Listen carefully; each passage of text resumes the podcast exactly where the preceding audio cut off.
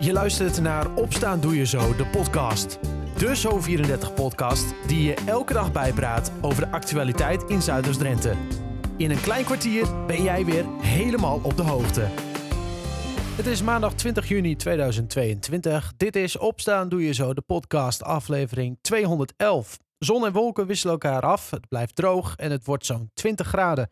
Met vandaag in het Zuidoost-Drentse nieuws. De nieuwe op- en afritten van de N34 bij Kleindijk zijn klaar en in gebruik genomen. Hierdoor is de afslag Emmen-Noord nu dicht en niet meer in gebruik. De N34 is sinds 6 uur vanochtend weer open nadat deze dit weekend dicht was voor de werkzaamheden.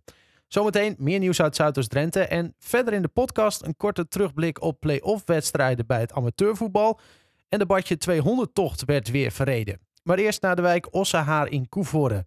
Afgelopen weekend was er een open dag voor de buurtbewoners om te kijken naar de units die geplaatst zijn voor de opvang van Oekraïense vluchtelingen.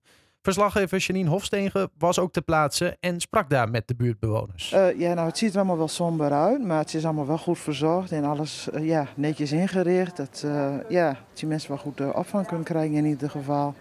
Ja, het is geen vakantiewoning, dus ik kan me niet voorstellen dat je vlucht om hier te gaan wonen. Lijkt me niks. Ja, het is noodopvang, dus het mag wel iets gezelliger, vind ik. Iets aan de wand of zoiets, maar ja, voor de rest, ja, goede indruk wel. De woonruimtes zijn uitgerust met vier bedden, een badkamer, een keuken met eettafel en alvast wat spulletjes zoals pannen en handdoeken. De eerste vluchtelingen worden verwacht in juli. Als je vlucht voor je leven, dan heb je een opvang nodig. En wij zijn een rijk land en we kunnen dat wel doen.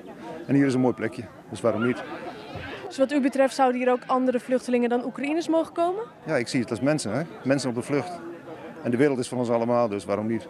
Een deel van de buurtbewoners heeft zich verenigd in een actiegroep genaamd Ossehaar Fase C. Zij maken zich zorgen omdat de plek bestemd was voor woningbouw en er een vergunning is afgegeven voor vijf jaar. Ja, want het zou misschien in de weg komen van eventuele woningbouwprojecten?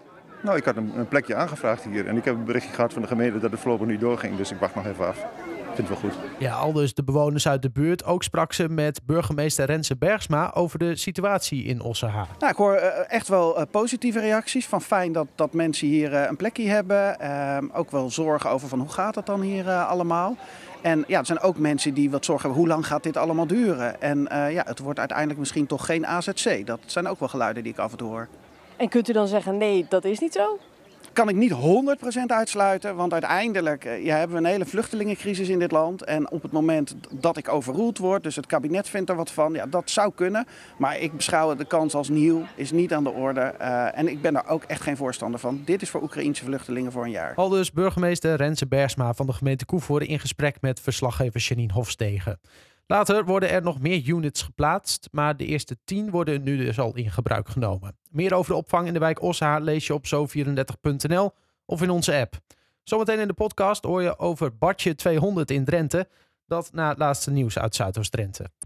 Een jonge vrouw is gisteravond gewond geraakt bij een botsing op de westelijke doorsnee Noordzijde in Emmekopaskum. De vrouw reed daar met haar scooter tegen de zijkant van een brug. Hoe het ongeluk kon gebeuren is nog niet duidelijk. De vrouw is met onbekende vondingen met een ambulance naar het ziekenhuis gebracht.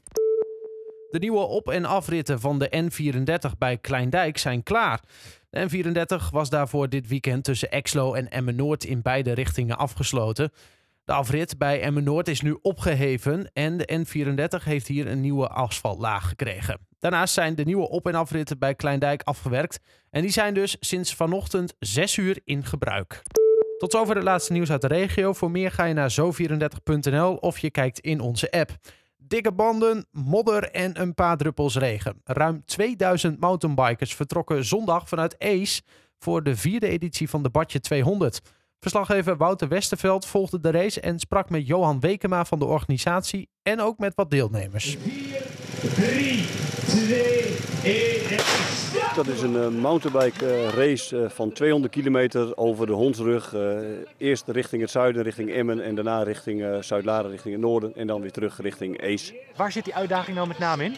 Nou, 200 kilometer fietsen is sowieso al ver natuurlijk. Uh, en laat staan door, door alle bossen uh, die Drenthe rijk is en uh, door alle prachtige mountainbike-routes die wij hier hebben liggen. 2000 mag oprijden, tot 2000 mag oprijden. De tijdsregistratie loopt nog niet. Rustig aan jongens, rustig aan. Op een mountainbike is het gewoon heel anders dan op een racefiets. En op een racefiets rijden we wel regelmatig uh, afstanden van 100, 150 kilometer. Maar ja, dit is gewoon veel meer weerstand en veel meer technisch eigenlijk. En dat maakt het heel leuk. Het is de tweede keer dat ik op fiets. Dus uh, de eerste keer ja, bevalt goed. De eerste keer ook gehaald, dus uh, ook binnen de tijd. En heeft u er een beetje goed voor getraind? Ja, ja, ja, ja, ja zeker. ik heb vier weken lang 200 kilometer gefietst en daarna een week rust volgens de kennis moet dat voldoende zijn. Maar of dat zo is, dat moet nog bewezen worden vanavond. Eigenlijk is het een beetje een mix van, uh, van de behoorlijke topsporters. Uh, en, en, en van gewoon mensen die zeggen van nou ik wil die uitdaging aangaan, ik wil een keer 200 kilometer fietsen. dus van alles wat eigenlijk. We zitten wel weer op een niveau van nog hoger dan pre-corona. Dus we zijn zeer tevreden met, uh, met die ruim 2000 deelnemers die we nu hebben. Ik hoop dat, uh, dat de deelnemers het heel leuk hebben. En uh, ook zeker onze ruim 300 vrijwilligers, dat die er ook weer een mooi feestje van maken. En dat die het ook gezellig hebben. Nou, je kunt het wel stellen. Een uitputtingsslag. Maar genoeg die de tocht hebben volbracht. En er was nog meer sport afgelopen weekend. Zo werden de laatste wedstrijden in de play-offs gespeeld bij het amateurvoetbal. Onder meer Valtemont maakte kans op een promotie naar de eerste klasse. Maar in het duel wat werd gespeeld op neutraal terrein bij VV Bijlen was Rol de Boys te sterk. Het werd 2-3 voor de ploeg van trainer Rick Slor. Bloed, zweet en tranen kostte het wel, want het spektakelstuk duurde maar liefst 120 minuten.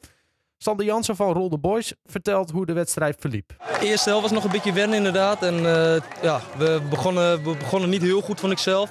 Maar daarna zag je wel dat we voetballen staan we veel beter dan Valtemont. En toen ging het veel beter, ja. Uiteindelijk terecht winnaar, uh, Rol de Boys? Ja, vind ik wel. Dat is wel gek. Ja, nee, zeker, vind ik wel.